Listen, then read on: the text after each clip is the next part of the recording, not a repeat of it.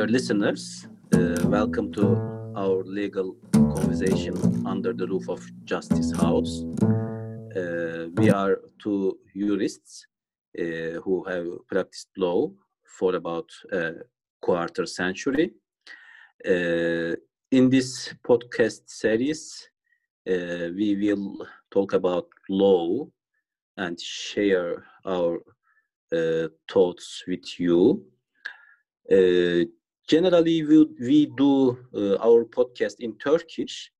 Uh, in addition, we would like to also record some episodes in English, uh, maybe German, uh, as well for those people uh, who are interested in Turkey. Uh, our aim is to contribute to raising awareness in law and justice in Turkey. That sounds pretty interesting. In Turkish, then English, maybe later German, but uh, as much as we can. Everything about law, anything without law. Uh, we call this uh, digital platform uh, Justice House. You know, uh, we all uh, are familiar with the Justice Palace in Turkey, but we prefer Justice House rather than Palace. Uh, even though uh, Justice Palace uh, admittedly sounds uh, quite fancy. Yes, you're absolutely right. Well, let's start with Ahmet Cevdet and Ahmet Refik. Who we are? One of us choose to be called uh, Ahmet Cevdet Pasha. Wow, Pasha. you yeah. are a Pasha, not I am. Yeah, uh, and uh, one of us, uh, Ahmet Refik. Yes, I am Ahmet Refik. I am here uh, as uh, Ahmet Cevdet. Who is Ahmet Cevdet? He was uh, one of the greatest jurists in 19th century during the last Ottoman Empire era. He was uh, not only a well-known jurist but also a historian and a prominent Ottoman bureaucrat, made uh, significant contributions in terms of uh, westernization of uh, Ottoman law and judiciary. When we talk about Ahmet Cevdet, it is almost impossible not to talk about Mecelle. What is Mecelle? It is something we all hear. Uh, Mecelle uh, was the civil code, which uh, was part of the Ottoman civil law in regard to family law, right to uh, property and uh, inheritance. Ahmet Cevdet was the uh, founder of the Mecelle Commission, chair for many years, wrote almost 1,800 articles of Mecelle. Uh, he is Yeah. uh, one of the person who trained in medrese, member of scientific community, later promoted the bureaucratic class. I think he used to be a minister of justice and wanted to be a highest religious authority, the so-called Sheikhul Islam, which was rare in his time. Uh, yes, that is quite right. Uh, Ahmet Cevdet traditional education in medrese. However, he was a quite open-minded intellectual, followed scientific and social developments in the Western society. He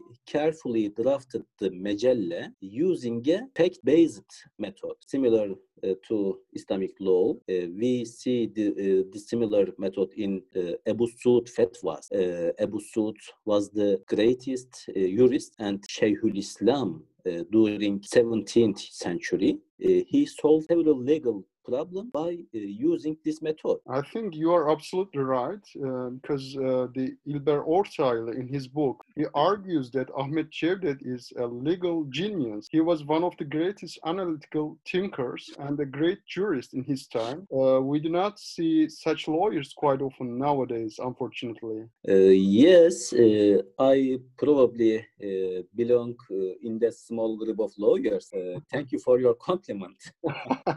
you are welcome, my friend. In this occasion, I must confess that your honor, it is a privilege for me to share this platform and discuss with you.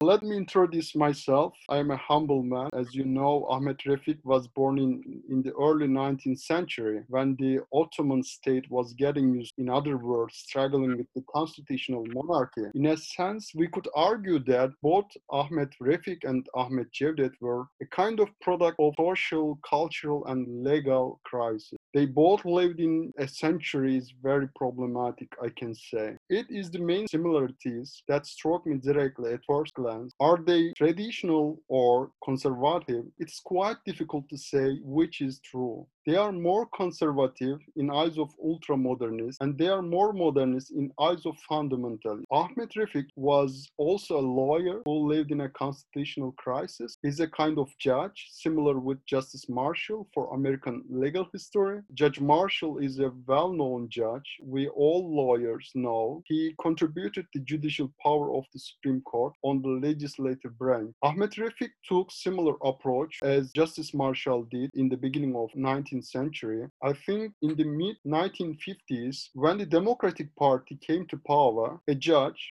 Ahmet Refik, decided the constitutionality of law. He argues that the law cannot be against the constitution. He reasoned his judgment based on a provision in the 1924 constitution that the law would not violate the constitution. It was a, such a significant decision, highly discussed among lawyers. Kemal Gözler, for instance, criticized Ahmet Refik's decisions. He argues it's very dangerous for a judge to interpret the constitution without clear article, gives power to the judiciary to examine parliamentary bills. Kemal Gözler would be right in terms of legal positivism, there were no constitutional articles gives judges power to check constitutionality of law. However, Ahmet Refik is a very important figure in terms of understanding his time and try to find a proper solution in terms of legality. We all know the period was ended up with a military coup. So I feel so close to him and identify myself, prefer to be called myself Ahmet Refik in this podcast series.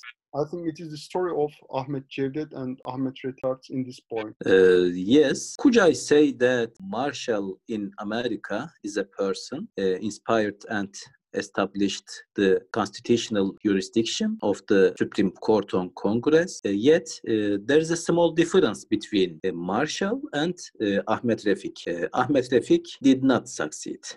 yes, you are absolutely right. He preferred to be retired, and uh, the members of the Supreme Court who overturned his judgment were later promoted. Anyway, that's a different topic.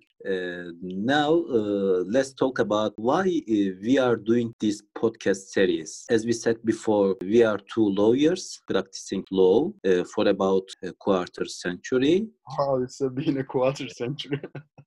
yes, we do regular talks about law in general we thought uh, why not record our conversations and share our opinions and experience with people who are uh, interested in Turkish law and judiciary. What we want to talk uh, is all about law. Whoever wants to listen to it is more than welcome to our Justice House. I want to give some information about our website. Uh, it is under the construction. Uh, if anyone has a question, uh, please uh, let us know. I like to add, uh, we do not claim that everything what we said is totally correct. For this reason, if anything we say is wrong or might wrong, please let us know uh, so we can learn from our mistakes and correct it in the coming posts. Apart from that, if there is anything you want to add or ask, uh, we will be happy to help you and assist you as much as we can. Uh, you are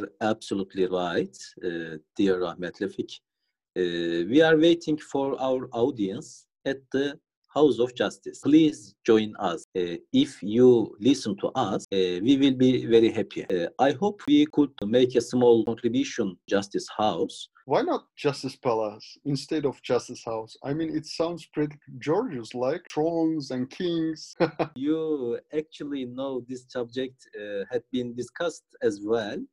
Uh, Justice Palace or courthouse. Uh, linguists uh, also discussed it. There is a well-known story. I don't know if it's true. Uh, I think it was the first years of the Republic, or last period of the Ottoman Empire. A delegation from the Turkish Justice Palace